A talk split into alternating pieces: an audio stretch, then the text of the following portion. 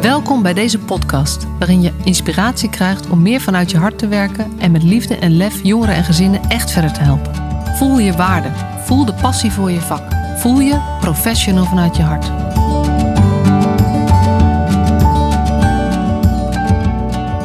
Ja, daar zijn we weer. Een nieuwe aflevering van de Professional vanuit je hart podcast. Ik heb er heel veel zin in vandaag. Ik zit uh, tegenover een stralende Suzanne Broekhuis. Die is bij mij op bezoek in Utrecht. Superleuk dat je er bent, Suzanne. Ja, dankjewel Marcia. Superleuk om er te zijn. Ja. Uh, je bent gezinshuisouder. En uh, we hebben elkaar een aantal keer gesproken, uh, ook over hoe dat zo gekomen is. Want nou ja, en dat was onder andere voor mij een aanleiding om jou eens uit te nodigen voor deze podcast. Want je hebt echt een schitterend verhaal. Maar voordat we daarin duiken, ben jij een professional vanuit je hart? Ja, ja ik, ik moet lachen omdat ik wist dat die vraag natuurlijk uh, kwam. Want eh, zo begint elke podcast. En ik heb er echt lang over nagedacht. Ik, weet je, ik, ik zou niet weten hoe ik het anders zou moeten kunnen zijn dan niet vanuit je hart. Um, tegelijkertijd denk ik ook dat, en meerdere hebben dat gezegd, dat er geen enkele hulpverlener is die, die niet een soort van met hart en ziel dit doet. Anders kun je dit helemaal niet doen. Maar ik denk dat jij. Nou, ik, voor mij zit wel het verschil in uh, wat staat er uh, centraal in het werk. Werk je vanuit je mens zijn uh, of vanuit zeg maar, de protocollen? Nou, dan ben ik een professioneel vanuit mijn mens zijn. En als dat betekent vanuit je hart, ben ik absoluut professional vanuit het hart. Toen kwam de tweede, professional dacht ik, ja, wat bedoel je daar dan precies mee? Ja, als je bedoelt, verdien je er geld mee? Ja, dan, dan is, ben ik een professional. Als je bedoelt, uh, uh, ben ik daardoor, weet ik dan precies waar ik mee bezig ben, meer dan mensen die niet hun geld ermee verdienen of niet een opleiding hebben gehad, dan ben ik het er niet helemaal mee eens. Um, dus uh, ja, ik verdien mijn geld ermee. Ja, ik heb er een opleiding voor gedaan. Dus in dat opzicht ben ik een professional. En ja, mijn mensheid staat centraal. Ja. ja. Ik vind het altijd zo leuk, want er zijn meer mensen die echt met deze vraag een beetje aan het worstelen zijn. Vanuit de gedachte dat het dan. Wat is het dan precies? En, en, en eigenlijk weet ik het zelf ook niet. Die term is gewoon een keer ontstaan. Ja. En hij, hij raakt wel, omdat het gaat over inderdaad professional in de zin van: het is je baan, je wordt ervoor betaald, zeg maar. En je hebt een opleiding gehad. Dus dat is dan voor mij inderdaad een soort van de definitie. Ja. En vanuit je hart Um, voor mij is dat dan ook over het mens zijn inderdaad. Maar dat is, dat is de vertaling ook die jij al geeft. Ja, voor mij is, weet je, het gekke is, professional lijkt dan net een soort van alsof, je, alsof ik er ben en, en een professional, dat dat iets los. Weet je, ik ben gewoon ik. En dat professionele zit erin dat ik een rugzak heb met allemaal tools die ik in kan zetten. Uh, die heb ik van opleidingen, vanuit boeken, vanuit ervaring, vanuit uh, weet ik veel, gepikt van anderen enzovoort. En die kan ik inzetten. Uh, maar of ik een goede hulpverlener ben, dat zit hem niet in die gevulde rugzak, maar meer uh, of ik weet wanneer ik wat uh, op welke manier inzet. En dat gaat echt over mens zijn. Dat, dat leer je niet. Of zo. Dat, dat, ehm, ja, daar heb ik nog nooit echt een. Omdat dat zo uniek is, omdat het zo afhangt van het moment, de situatie, de ander, de jou op dat moment. Uh, ja. Huh. Dus, dus ja, weet je, kijk, zo'n school of een opleiding, die gooit gewoon ja, interventies of zo, of, of dingen in je rugzak. Dus daar kun je, kun je gebruik van maken. Maar of je er gebruik van maakt en hoe je er gebruik van maakt en wanneer je er gebruik van maakt, ja, dat. Ja, dat is dan dus de vraag. Ja. hoe je dat dus doet. En, uh, en daar zit uh, de waarde in van een hulpverlener.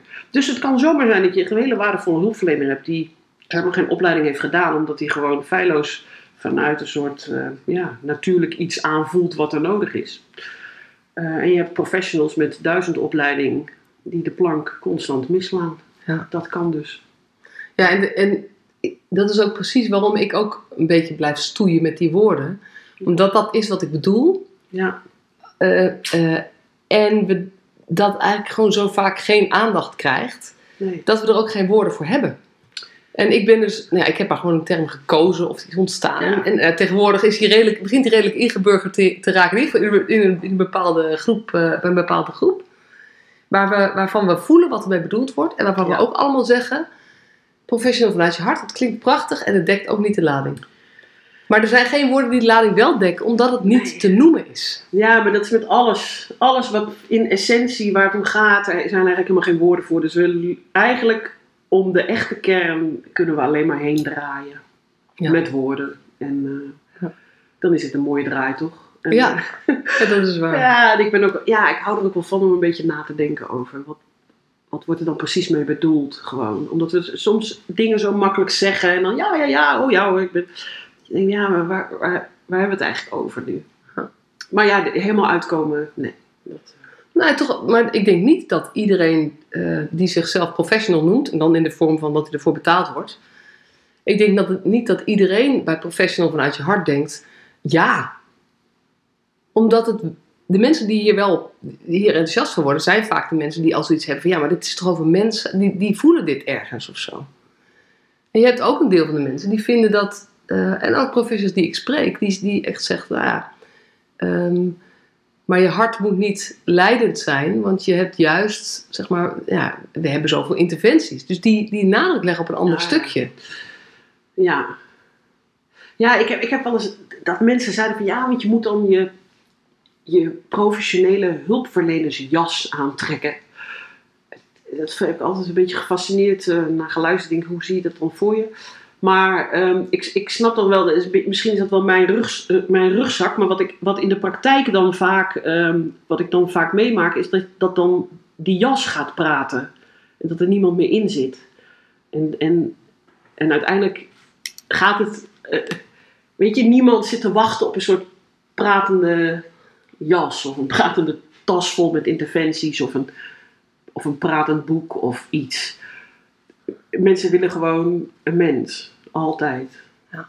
Altijd. Waar je ook bent. Ja, ja, ik ben even stil, want ik vind deze, deze hoe noemen we dit? Een, dit is een verhaal, hè? Dit is een, de hulpverlenersjas en, en niemand heeft iets aan een jas. Er zit niks meer in. Nee, er zit niks meer De in. jas praat. En dan denk ik, Maar ja, kijk, ik moest, weet je waar ik dan moet denken? Ken je dat eh, van Herman Vinkers? Een van de eerst eh, de shows helemaal in het begin. Dan heeft hij het over, over ehm, het kussentje. Dan gaat hij iemand gaat een kussentje kopen. En die zegt dan, hij komt bij een verkoper en die zegt dan: ehm, eh, Hallo, heeft u ook kussentjes? En dan zegt de verkoper: Goedemiddag. Ja, goedemiddag. Heeft u ook kussentjes? Wilt u wat drinken? Eh, ja, doe maar een kopje koffie. Eh, maar verkoopt u ook kussentjes? Wilt u er suiker in? Nou, dat is zo'n zo'n hele sketch. Dat is fantastisch om naar te luisteren. Maar daar zie je dus ook dat iemand gewoon heel vriendelijk een verhaal ophangt. En dus precies je teruggeeft een protocol volgt. ja, het het keurige protocol volgt. Van dan vraag je eerst, eh, dan zeg je goeiedag. En dan vraag je of iemand wil drinken. En dan... Maar die ander die vraagt gewoon, eh, verkoopt u kusjes en wil gewoon antwoord op die vraag. En is dus helemaal geen aansluiten. En, dat, en dan praat je dus met een, met een protocol of met een, nou ja, met een jas, zeg maar. En het, het is heel raar. En, dan, en, en in dat voorbeeld is het echt hilarisch. Echt het moeite waard om terug te kijken of luisteren. Maar ehm, het, het, is, het gebeurt ook in de jeugdzorg. En dat is heel triest. Ja. Dat is heel erg. Ja. Ja. Want het, het is eigenlijk net zo belachelijk als dat voorbeeld. Alleen is het dan echt. Ja. Ja. Ja, precies. En, en ehm, ik geloof echt dat, dat iedere professional met goede intentie er zit. Ik En met goede intentie dat doet. En ook oprecht Ja. die ander verder wil helpen. Denk ook. Dus, dus dat het nooit over intentie gaat, maar dat het wel gaat over nou ja, jezelf kwijt zijn of zo. Of niet, niet in contact met jezelf zijn, waardoor je ook niet meer in contact met die ander gaat of zo. En het niet meer, dat het niet, niet meer over de ontmoeting gaat, Ja. maar over, ehm, eh, over wat je doet en of je dat maar goed doet of zo. Of door de werkdruk, hè, dat je alleen maar kan denken over wat je moet doen, in plaats van Ja. dat je eventjes kunt vertragen, ademhalen en nog de ander aankijken en ontmoeten. Ja. Ja, ik, ja. Nou, het, het- het puzzelt mij ook wel hoor, waar dat verschil dat nou in zit. Omdat ik denk, hoe... Ik raak altijd een beetje in paniek als ik, als ik geen contact heb met iemand. Want dan weet ik gewoon niet wat ik moet doen. Eh, ondanks de rugzak vol met interventies. Omdat ik het dan gewoon niet weet. Omdat, omdat zeg maar, dat wat, ik, wat, er gevraagd wordt, komt van die ander. Dus als ik die ander, als ik daar dus niet, als ik die dus niet hoor, kan horen, oh, ja, maakt niet uit waar, hoe dat komt, door mij, een belemmering in mij of een belemmering in de ander of weet ik wat, maar er is geen verbinding, dan weet ik het dus niet en dan raak ik in paniek. En dan denk ik, als je dat dus, als je dus zegt, nou, ik ga mijn jas praat, zeg maar, soort, dan heb je dat dus nooit. Dan denk ik, hoe, oh, ik zou dat, het idee alleen al helemaal naar van. Ja. Hoe, hoe weet je dan wat je moet doen? Maar ja, die mensen zeggen misschien van, nou, dat staat, het staat in het protocol. Ja, en daar zit dan het verschil, Ja. denk ik. Ja. ja. Ja, weet je, en het is natuurlijk, Eh, het is, protocol. het is ook een, een soort van eh, continuum of zo, weet je. Er is denk ik niemand die helemaal aan de protocolkant Nee. zit. Nee. Eh, en er is ook bijna niemand die helemaal aan de, laten we het, intuïtiekant zit. Nee. Want ik denk dat, dat de professional, zeg maar, als we dat dan daar toch over hebben, eh, dat, dat een ehm, eh, kenmerk van een professional ook is dat je eh, weet wat je intuïtie doet. Zeg maar. Dat er een soort van bewustzijn, dat dat, wel dat, dat, dat ook wel iets is wat. Ja, maar het is niet, voor mij is het niet alleen maar, het is niet intuïtie. Het is, ehm, eh, eh, het start met, het is gewoon een startpunt, verbinding. Als je geen verbinding hebt, kan ik niks, denk ik. Tenminste, niet iets zinvols. Dat is zoiets, weet je, ik ben vandaag op de motor hierheen gekomen. Ehm, ik kan alles, alles kunnen aan dat ding en van alles doen. Maar als ik hem niet start, dan rijdt hij gewoon niet. Dat is toch echt een voorwaarde om vooruit te komen. Ik moet hem starten. Anders kan ik, ja, ik kan dan wel zeggen van nou, ik zet mijn helm op en ik eh, doe mijn jassen aan. En ik, ik, ik draai zelfs aan het gaspedaal en ik doe hem zelfs in een versnelling. Maar als ik hem niet start, komt hij niet vooruit. Punt. Dat is ook zoiets met hulpverlenen. Weet je, als ik geen verbinding leg, gebeurt er gewoon niks. Dan kan ik al het andere doen. Maar het, het is zin, ja, een soort van zinloos. Er gebeurt niks. Het ziet er heel stoer uit allemaal. Ja. Hè, want het, het lijkt net echt. Als ik op zo'n motor zit, prachtig. Kun je een mooie foto van maken. Het ziet er echt geweldig uit. Maar er gebeurt niks. En dat is met hulpverlenen ook. Als die verbinding er niet ligt, gebeurt er niks. En wat, er, wat je denkt dat er gebeurt, dat is illusie. Dan hoor je alleen maar jezelf. Het is dan echt een echo van jezelf. Ja. En, dat, en dat is ingewikkeld, omdat verbinding maken met mensen is, is ah, moeilijk. Dat, dat, dat, ja, dat, dat vraagt iets. Dat vraagt iets van jezelf. Het is ook niet richtingverkeer. Hè? Je kan niet zeggen, dat, daar heb je echt twee voor nodig. Ja, maar, maar het gaat. eh, Ja, en het gaat ook over dat. ehm, dat dit nog geen resultaat oplevert. Wat natuurlijk in onze resultaatgestuurde maatschappij. Ja, Het is een voorwaarde. het is een voorwaarde. Maar, ja, wil je resultaat halen, zul je daar toch moeten starten. ja, maar het, het is moeilijk meetbaar. Ja, het is moeilijk meetbaar. En het geeft geen direct resultaat. Want als je alleen maar start, kom je ook niet in Utrecht. Nee, Dus je Nee. zal daarna. ja, moet je wel wat doen. Moet je wel of wat doen. Moet, of ja, daar moet dan nog wel wat gebeuren. Ja, dat klopt. Dus het is nou, ook. en wat heel lastig is aan verbinden, is dat het gewoon niet vanzelf gaat. Kijk, starten is toch vrij eenvoudig. Je draait de sleutel om en je start. Eh, maar eh, verbinding leggen kan soms heel ingewikkeld zijn. Omdat er zoveel factoren zijn die, die dat verbinding leggen kan verstoren. Angst, eh, vaak angst. Eh, eh, verstoring, afleiding. Eerdere ervaringen, Eerdere je ervaring. normen, of je slecht geslapen hebt, of je ruzie hebt gehad met je, met je partner van die alles. ochtend. Ja. Echt van alles kan dat verstoren. En elke keer moet je dat dan maar weer investeren en weer leggen. En het kost tijd. En, en in dat opzicht is het in een, een resultaatgestuurd verhaal... waarin we toch wel meteen willen weten van... eh, oké, wat heeft het dan opgeleverd? eh, is het eh, wel een lange termijn verhaal. Eh, en dat lange termijn verhaal... zit hem dus in van je, die voorwaarden. Je moet eerst voorwaarden scheppen. Kijk, dat is net zoals dat je. Kijk, als je een tuin als je iets leuks voor je tuin wil maken of een moestuin wil aanleggen, dan kun je wel zeggen van nou, hup, ik gooi gewoon een aardappel in de grond en dan komt er straks aardappels aan. Maar het vraagt toch om, om, om het voort te bewerken. Je moet toch even ploegen, je moet toch even zorgen dat, weet je wel. En soms zijn er gewassen, ja, daar moet je dus echt ingewikkeld gedoe mee doen dan. Moet je toch kijken, van, zit er genoeg kalk in? Ik heb er geen balverstand van hoor, maar ik roep maar even wat. Kalk erin, is het genoeg vochtig? Is eh, weet ik, vreten konijnen het op? Of is er een of ander vliegje wat er iets mee doet? Dan moet je daar wat mee. Dus om dan een gewas te laten groeien, omdat er iets gebeurt, vraag dan om meer, ja, om, om voorwaarden scheppende dingen. En er zijn gewassen, joh, nou, weet je, eh, eh, brandnetel heeft niks nodig en groeit. Eh, ja, en er zijn hele zeldzame orchideesoorten. Dan moet je dus flink aan de bak, wil je, wil je, wil je die kunnen laten groeien. En in de jeugdzorg kom je meer orchideeën tegen dan brandnetels. Dus je moet echt aan de bak. Ja. Je moet echt, en dat is zoeken. Ja. Want dus, Ja, en, en, maar het begint bij ehm, je realiseren dat dit dus is wat je als eerste te doen hebt. ja, En daar iedere keer weer voor kiezen. En op het moment Ja. dat je aan het draaien bent en het loopt vast, ja, moet moeten we, niet, moeten we niet harder gaan werken Nee. om dat weer draaiend te krijgen. Maar moeten we eigenlijk terug naar de basis Ja. en weer connecten. Ja, en weet je, we willen va- va- vaak ook zo graag. Hè, en dan zien we, voor ons gevoel denken ah, ik zie het liggen waar het zit. Ja, dan willen we soms te hard, denk ik. Ja, ik, ik, ik heb het afgelopen, ik weet niet of ik in de vorige podcast ook gezegd heb, maar de quote die steeds langskomt om een of andere reden is: eh, gras groeit ook niet harder door eraan te trekken. Nou ja, dat is dit toch? Ja. Even mijn telefoon uitzetten. Moes. Sorry. Hele gewone ouderwetse telefoongeluid heb Ja. ik gewoon nog. Cool. Hey, Nee, ja, ehm, ja, dus dat, ja. even, even voordat we hier een, een uur blijven filosoferen. Ja, we zijn ook een kwartier verder. Ja. Ja. dat weet ik. Dat is ja, heel leuk. Ja, ja. Maar goed, daar hoor je wel jouw bevlogenheid ook Ja. in door. Jullie zijn eh, ehm, eh, gezinshuis geworden. En dat is op een hele, eh, toch wel, vind ik, bijzondere manier gegaan. Kan je daar eens iets over vertellen? Ja, het is, het is, als ik erop terugkijk, denk ik, ho- hoe dan?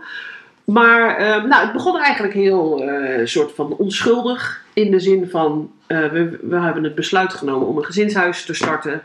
En we zijn daar voorbereidingen in aan het eh, aantreffen geweest. Dus we waren dingen aan het regelen, eh, dingen aan het uitzoeken.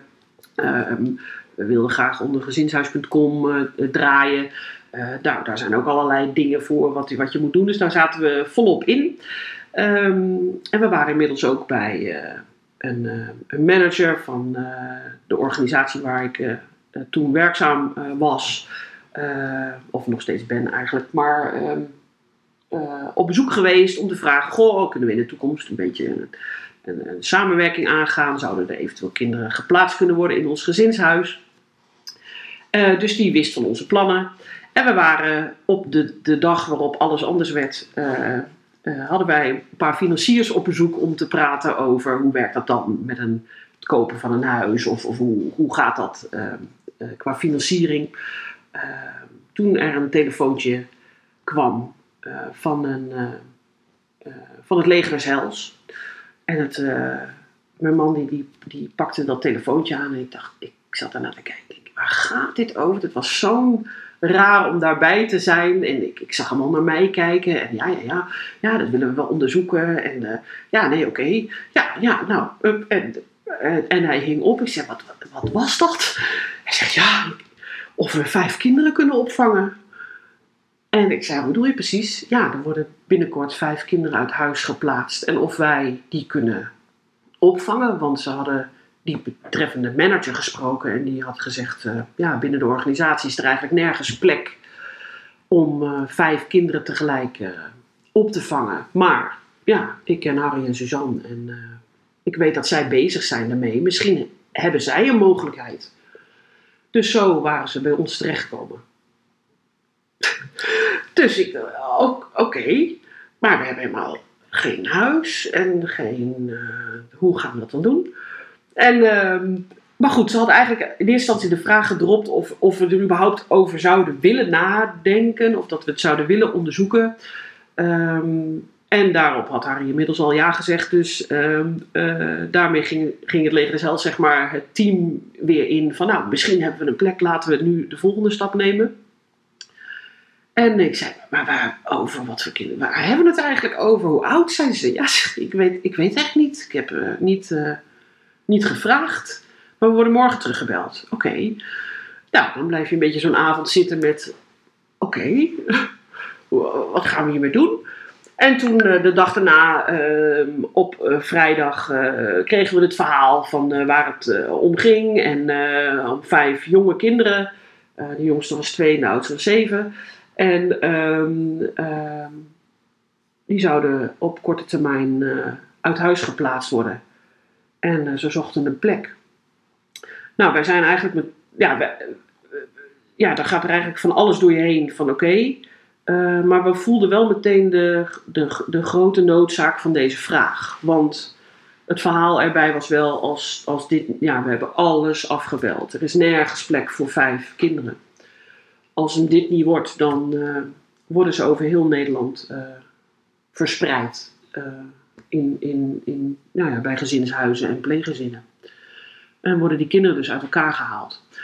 En ehm, kijk, we, realiseren heel goed, wij zijn, ja, weet je, het is zo, zo raar, zo'n vraag. Want aan de ene kant ehm, zijn wij natuurlijk niet verantwoordelijk voor die vijf kinderen. Aan de andere kant zijn we wel verantwoordelijk voor die vijf kinderen. En we hebben het heel erg ervaren of opgepakt als een, als een vraag die niet zomaar gesteld wordt. En waar je eigenlijk alleen maar ja tegen kan zeggen, tenzij het niet kan. En dat tenzij het niet kan, zat hem in het praktische. We hadden geen huis, dus als we geen huis hebben, kan het niet. Want ze konden niet, daar waar we, daar waar we woonden, of waar we, ja, dat huis hebben we overigens nog steeds, maar dat, dat, daar waar we woonden, daar konden geen vijf kinderen slapen, gewoon punt. Ehm, dus dat kon niet.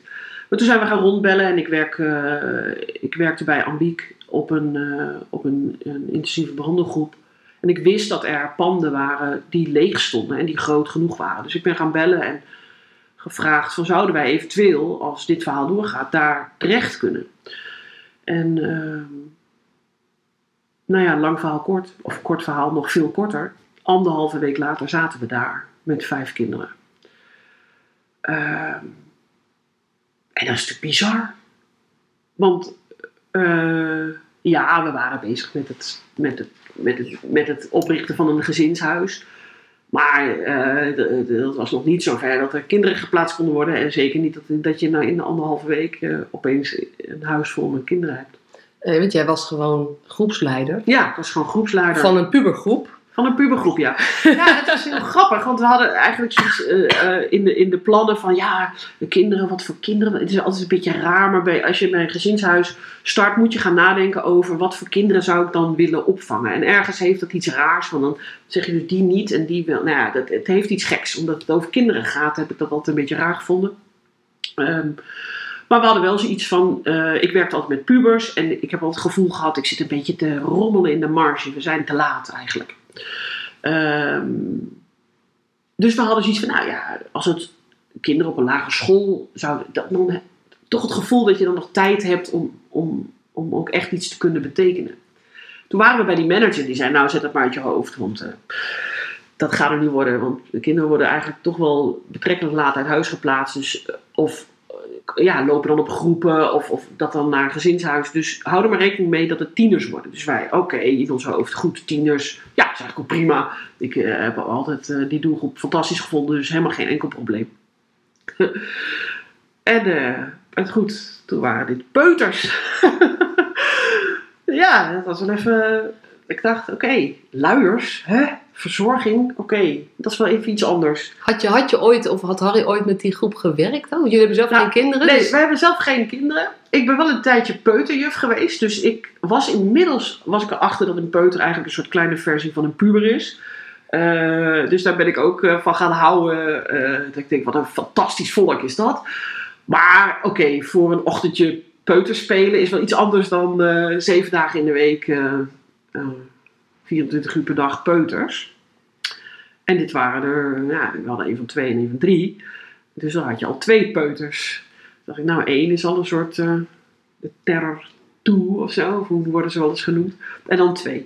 Maar, ehm, De terrible two en de terror free. ja, ja, toch? Ja, ja, ja. Dat, dat- dat is toch zo'n term? Ja. Nou, ik, ik, ik, ehm, ik geloof gelijk in die term, want het, het is, wat een leeftijd is dat, joh. Ja, fantastisch en verschrikkelijk tegelijk. Eh, maar, ehm, eh, ja, dat was wel even schakelen, ja. Ja. Maar uiteindelijk eh, hadden wij het gevoel, deze vraag gaat eigenlijk niet over ons. Deze vraag gaat over vijf jonge kinderen die, eh, die eigenlijk roepen, help ons bij elkaar te blijven. We worden, uit, we worden uit huis geplaatst en dat is eigenlijk al afschuwelijk. En eh, als we ook nog uit elkaar worden gehaald, dan, eh, ja, dan gaan we misschien wel kapot. En, eh, dus wij hebben dat heel serieus opgevat als zijnde van ja, we gaan dit doen, tenzij het gewoon echt niet kan. En dat niet kunnen, dat bleek eigenlijk alleen maar praktisch te zijn. En dat praktische, dat was eigenlijk zo opgelost. En dat is natuurlijk fantastisch. En dat, dan, dat vond ik het meest hoopvol aan het hele verhaal. Dat dus als de nood zo hoog is, nou, dan kan dus binnen anderhalve week dit geregeld worden. In een log verhaal als jeugdzorg, als Grote organisaties als Ambiek, Als grote Ambiek, organisaties grote- als Legend als zelfs, grote organisaties. En binnen anderhalve week zaten we daar. Eh, En was het gewoon een soort van geregeld. En kan dat dus? Ja, het is toch fantastisch? Ja, ik vind dat... Weet je, want wij hebben ja gezegd. Maar Ambiek heeft ja gezegd. Legend zelfs heeft ja gezegd. Hebben allemaal mensen hebben er ja gezegd. Ja, fantastisch, toch? Maar, maar dat is ook wat ik heel vaak terugzie. Als het gelukt is, als bijzondere situaties gelukt zijn, Ja. is het bijna altijd begonnen met één.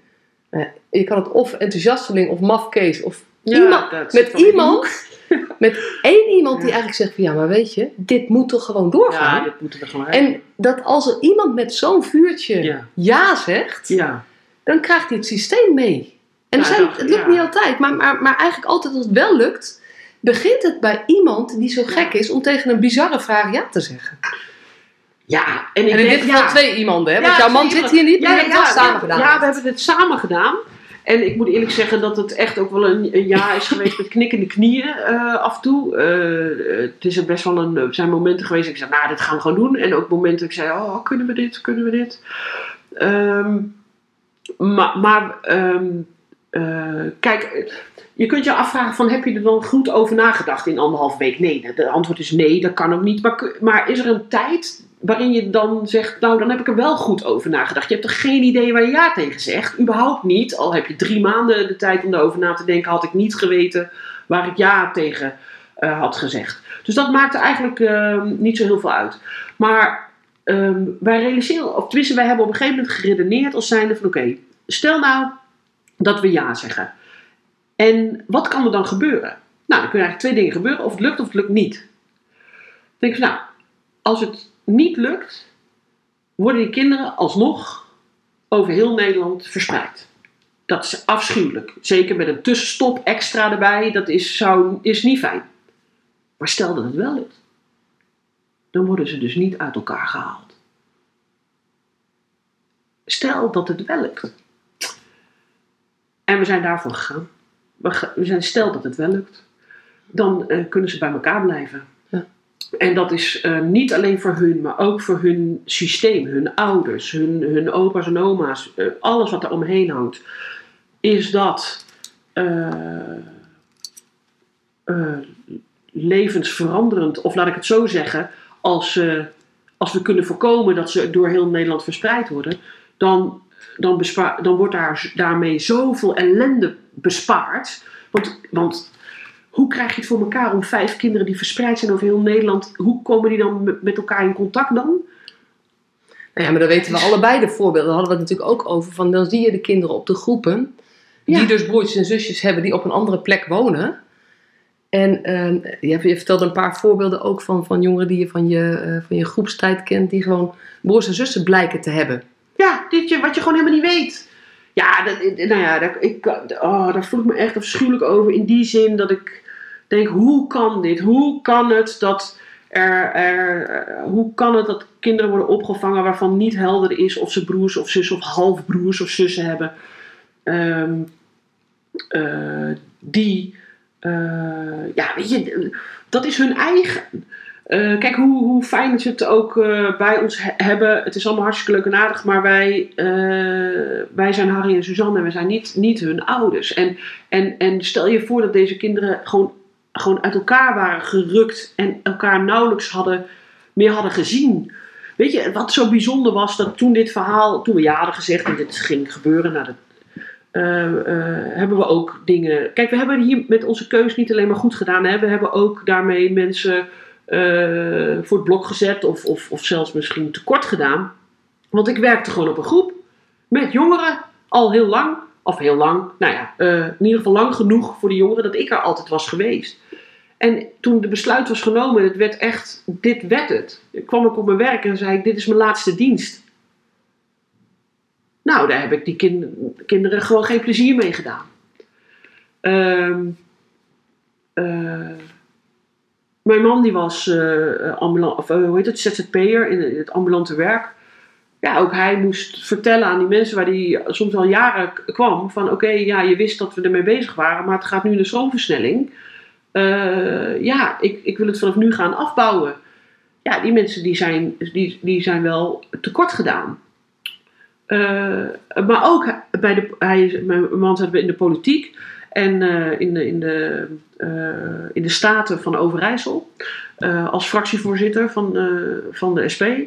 En hij, ook daar vertelde hij het verhaal. En toen kwam er dus een mede-statenlid naar hem, die zei: Oh, Harry, dit is echt, weet je wel hoe, hoe, wat voor iets belangrijks je nu hebt gedaan? Want ik ben ook uit huis geplaatst. En mijn, ik had een broer en we zijn uit elkaar gehaald. En eh, ik heb hem al die jaren niet gezien en pas weer ontmoet eh, toen hij 18 of 19 was.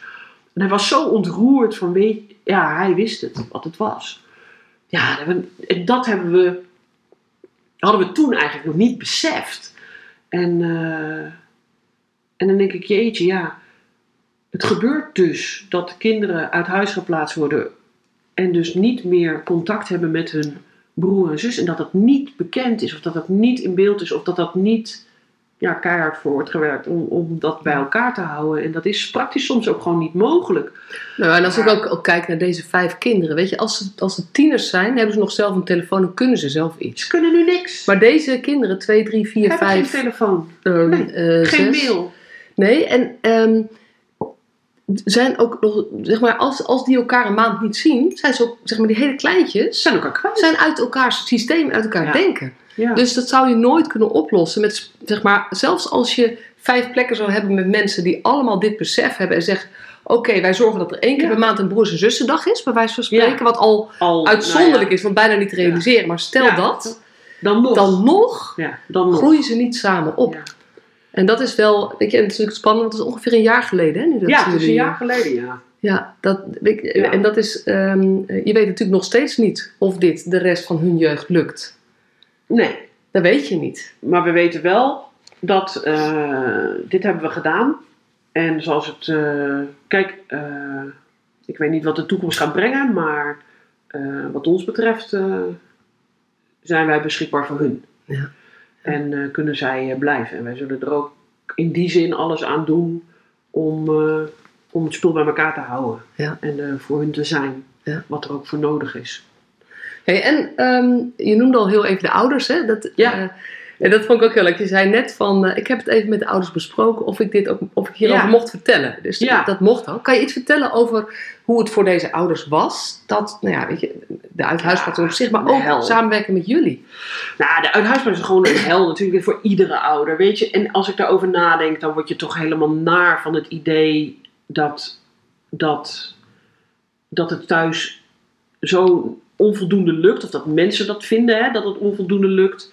En dat er dan besloten wordt, je vijf kinderen worden uit huis gehaald. En dat die dan ook een beetje op, wat ik begreep, van begrepen heb, is echt eh, dat ze nou ja, dat ze zonder, zonder een soort vooraankondiging opeens gewoon zijn weggehaald of overgenomen. Of ja, van het een op het andere moment ben je dan je vijf kinderen kwijt.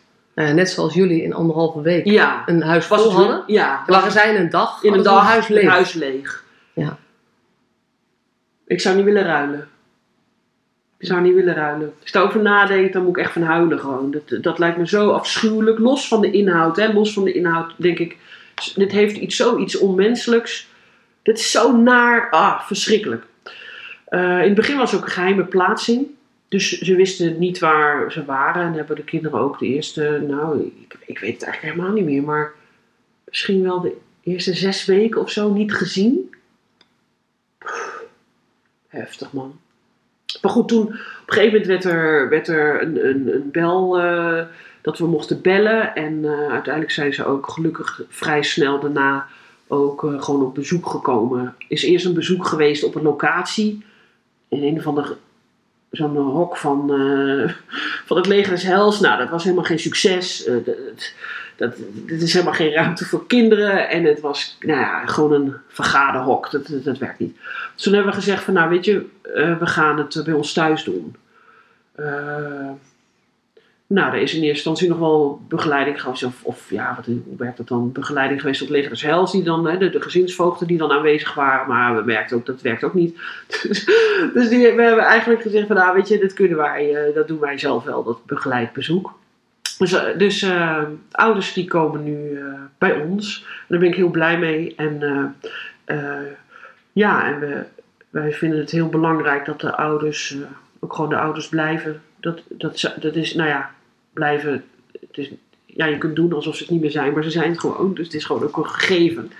En dat gegeven, dat proberen wij zo goed mogelijk vorm te geven. Dat dat ook dat dan mag zijn in die paar momenten. Kan je, kan je er een voorbeeld van geven hoe je Ja, nou, een heel concreet voorbeeld is bijvoorbeeld, we hebben een eh, grote tafel natuurlijk waar iedereen aan zit. Iedereen heeft een vaste plek en wij ook. En eh, we hebben allebei een witte stoel, dat zijn onze stoelen en daar zit gewoon niemand anders op dan wij. Behalve als de ouders komen, dan zitten zij daar. Ehm, dan zitten wij met een aangeschoven stoel die erbij wordt gezet aan de hoeken, eh, zeg maar, er een beetje bij geprutst. Eh, en zitten zij in het, in het midden, zeg maar, zitten zij op onze plek. Omdat ehm, het niet goed voelt eh, om hun op een bijgeschoven stoel te laten zitten.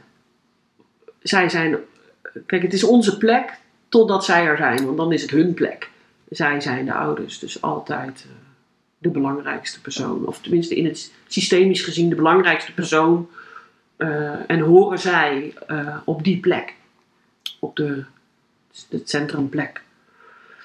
En ehm, ja, dat is eigenlijk gek genoeg een soort van, ja, een beetje zonder na te denken of heel bewust hebben, hebben we dat gewoon zo gedaan, maar achteraf bezien en eh, daarop gereflecteerd is dat, is dat heel belangrijk geweest. Een heel fysiek soort van,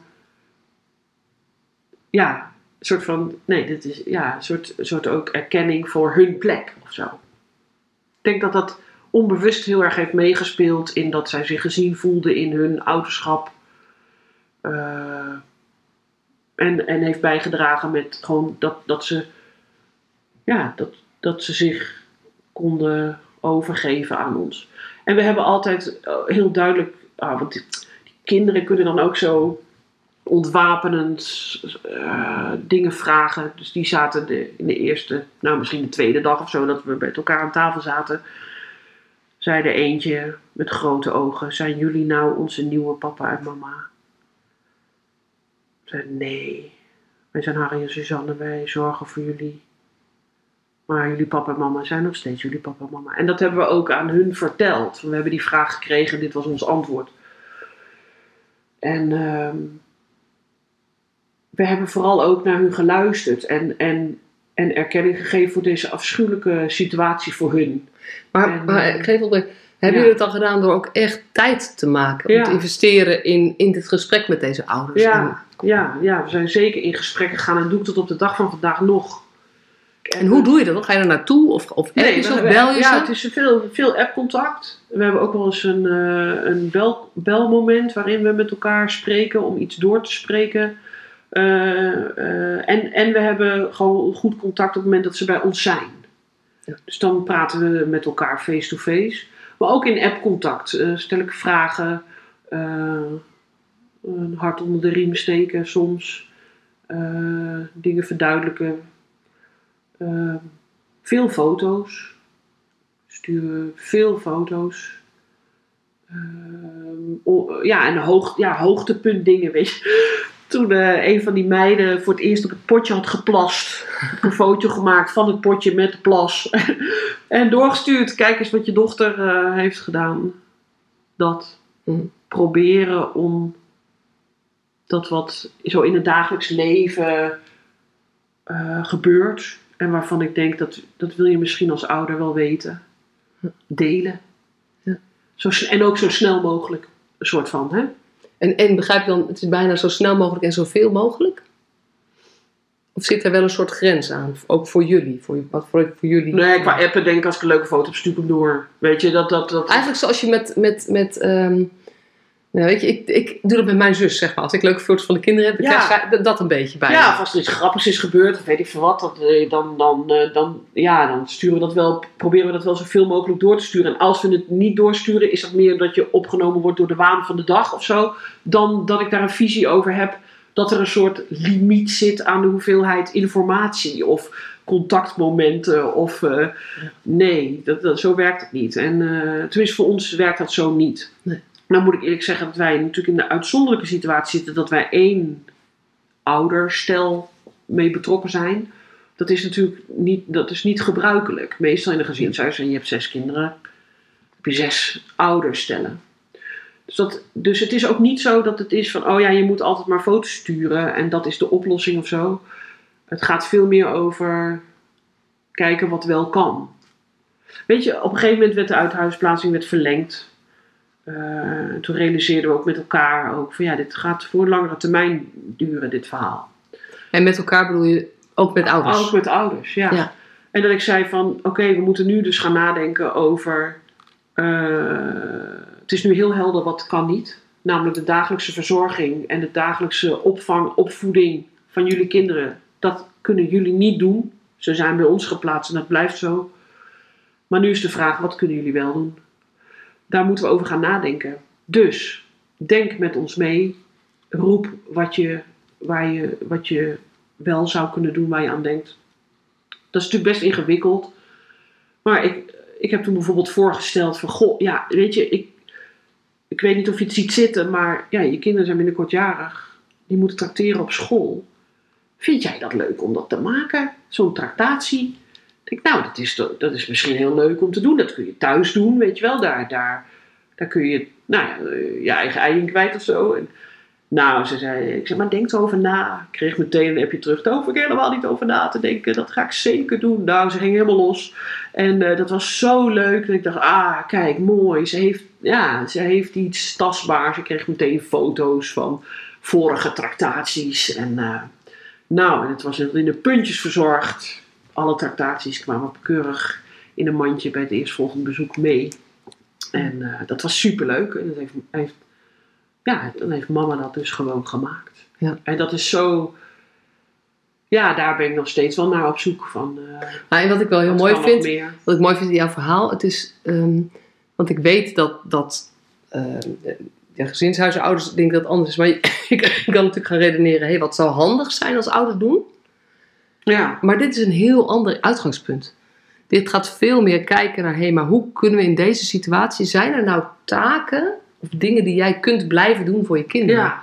En, en, niet per se, weet je, het is ook handig voor jou, want vijf ja, kinderen is best veel. was het ook heel fijn. Ja. Maar dat is achteraf, maar, dat, is niet de reden. Dat was niet de reden. Nee, nee. Ik ben, we zijn echt op zoek naar wat kunnen ze wel. Dus ik, ik bijvoorbeeld, um, ze hebben bezoeken ook bij ons. En ik, ik probeer dan ook altijd, uh, ja, we stellen altijd de vraag van. Uh, wat wil je eten tussenmiddag? Want er was eerst altijd anderhalf uur bezoek. Nou, dat vond ik veel te kort. Dus dat, uh, dat hebben we niet gaan doen. Dus we, ze, komen dan om tien uur en dan, en dan uh, doen we tot en met de lunch. Samen eten is toch leuk, weet je wel. En, um, en daar proberen we dan altijd iets, ja, iets van te maken. Hè? Dus uh, echt ook een beetje het welkome gevoel. Wat, uh, ja, dat het echt gezellig is met iets extra's. Maar daar betrekken we hun in. Wat wil je? Wat vind je leuk? Uh, heb je weer zin in iets? Oh ja, nou, de vorige keer, ja, die pizza bakken, dat vonden we eigenlijk wel leuk. Kan dat nog een keer? Ja hoor, dan fixen we alles en dan hup, gaan, gaan zij met z'n allen pizza bakken. En wij zijn dan ook bij dat bezoek een beetje de opruim- en uh, klaarzet uh, team. ouders hebben de neiging om dan ook te willen helpen vegen. Dan zegt nee, nee, nee, weet je, ga met je kinderen spelen. Ik, ik ruim wel op. En um, um, ja, dat is echt tof het is fijn om te zien ook dat ze met elkaar blij zijn. En wat gewoon fijn ook is om te zien, dat als wij, als wij eigenlijk gewoon laten zien dat wij goed met elkaar kunnen omgaan. Want we hebben daar ook hun voor nodig. Hè? Het is niet alleen maar op konto van ons, want ook zij staan open voor ons. En dat, wat natuurlijk veel knapper is nog dan, dan, dan, dan dat wij openstaan voor hun. Hè? Dan denk ik, dat is echt ja, een soort van piece of cake. Maar andersom is het een heel ander verhaal. Um, maar dat kunnen zij. Dat is, uh, nou ja, dan bewijs je eigenlijk dat je een fantastische ouder bent. Um, maar daarmee geven wij het fiat aan de kinderen dat, uh, dat ze niet hoeven kiezen. Ja. Ze hoeven niet met ons te vechten om aan hun ouders te laten zien dat ze van hun houden. Ze hoeven niet met hun ouders te vechten om aan ons te laten zien dat het slechte ouders waren of whatever, wat, wat, wat niet in die zin was. Weet je, weet je het, het uh, geeft gewoon heel duidelijk een ontspannen situatie waarin het zoiets is van nou, dat zijn je papa en mama en wij zorgen voor je. Ja, het is een beetje zo dat. En, en wat ik begrijp, het zijn nog wel echt vaste bezoekafspraken nu? Ja, het zijn eh, vaste bezoekafspraken. Ja, dus dat is nog wel een soort van strak. Dus er is een soort van basis wat strak is. En we willen er graag eh, in de toekomst naartoe dat dat, eh, nou ja, dat dat wordt. Eh, we zitten nog een beetje te klooien met eh, kinderbijslag en eh, weet ik veel wat. Maar goed, en, en geld om, om kleren te kunnen kopen. Maar in de ideale situatie wordt gewoon de kinderbijslag weer ehm, toegekend aan ouders. Want ze zijn gewoon financieel nog verantwoordelijk voor de kinderen. En dat we dan ehm, de bus vol laaien en naar ze toe gaan omdat zij de kleren kunnen kopen bijvoorbeeld. Nou, dat komt allemaal boven op bezoek en dat regelen we onderling. Maar heb je het gevoel dat daar, ehm, als ik er naar zit te luisteren, dan klinkt het alsof er wel, meer ruimte in zou zitten, in ieder geval bij jullie, om nog meer met ouders samen op te trekken?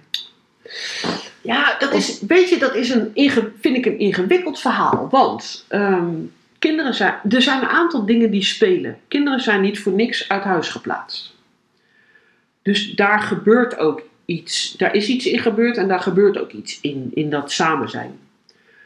Ehm, ook als je. En, dus op heel veel dingen heb ik geen antwoord. Hè?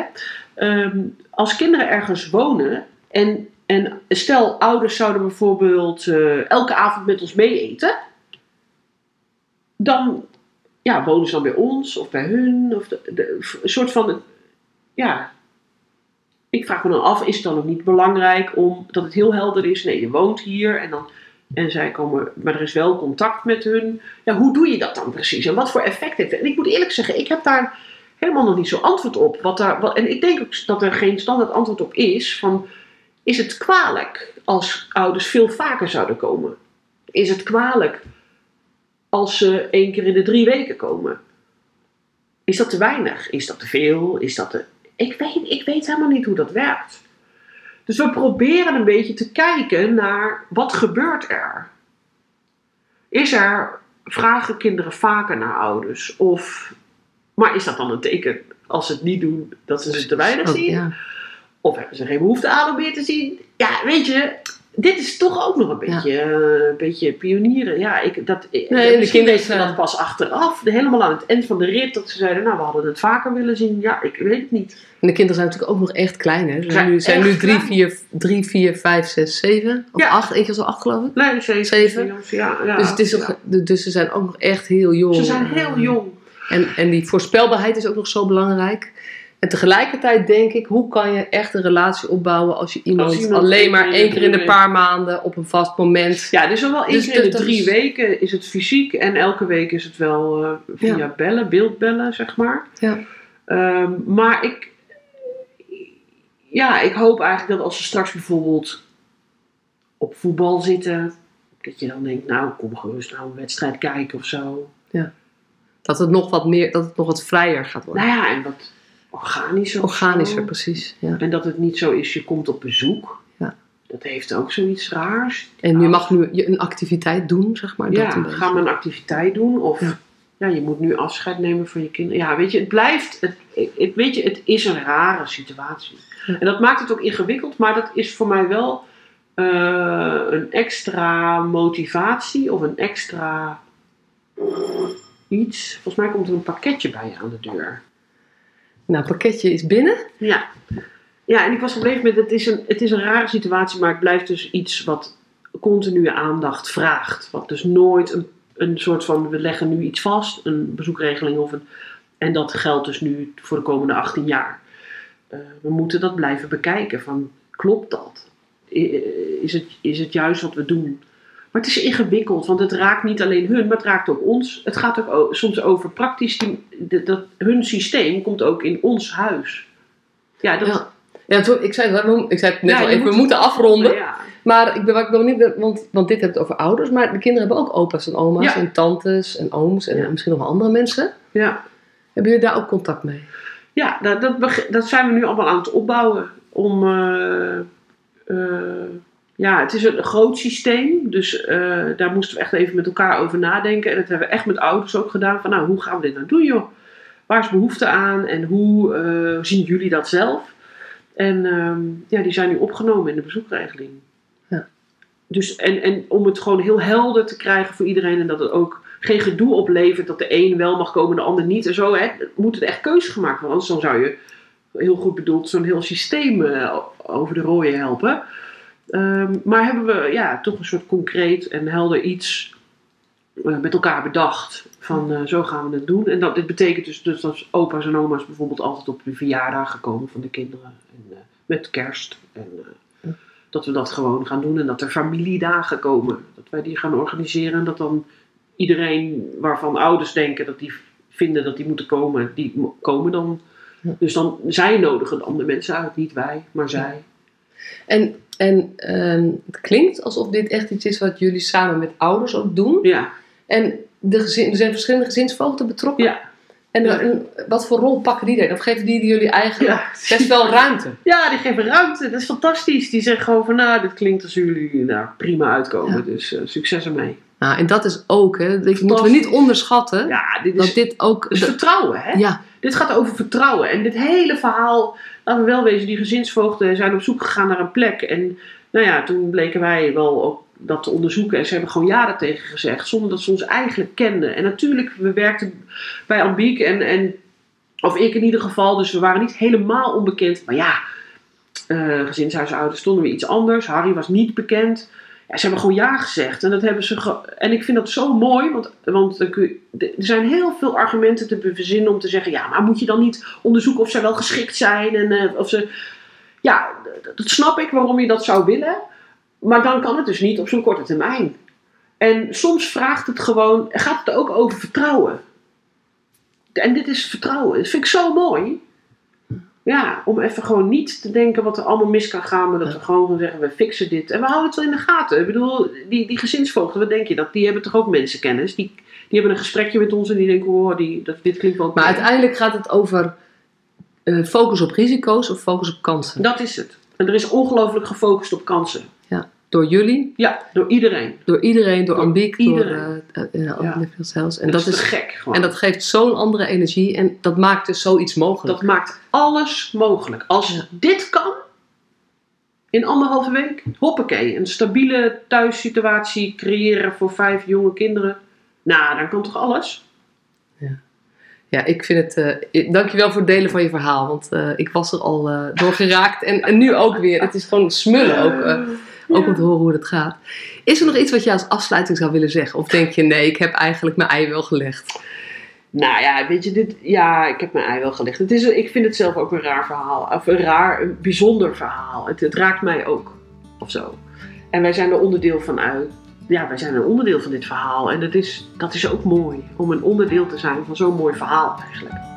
En eh, ja, het is ook het is keihard werken geweest. Maar ik, eh, ja, het is, het is de allerzwaarste baan eh, die ik ooit heb gehad. Eh, maar de meest voldoeninggevende. En ja, ik word er heel blij van. Van dit verhaal. Ja. Nou, dankjewel. Graag gedaan. Prachtig.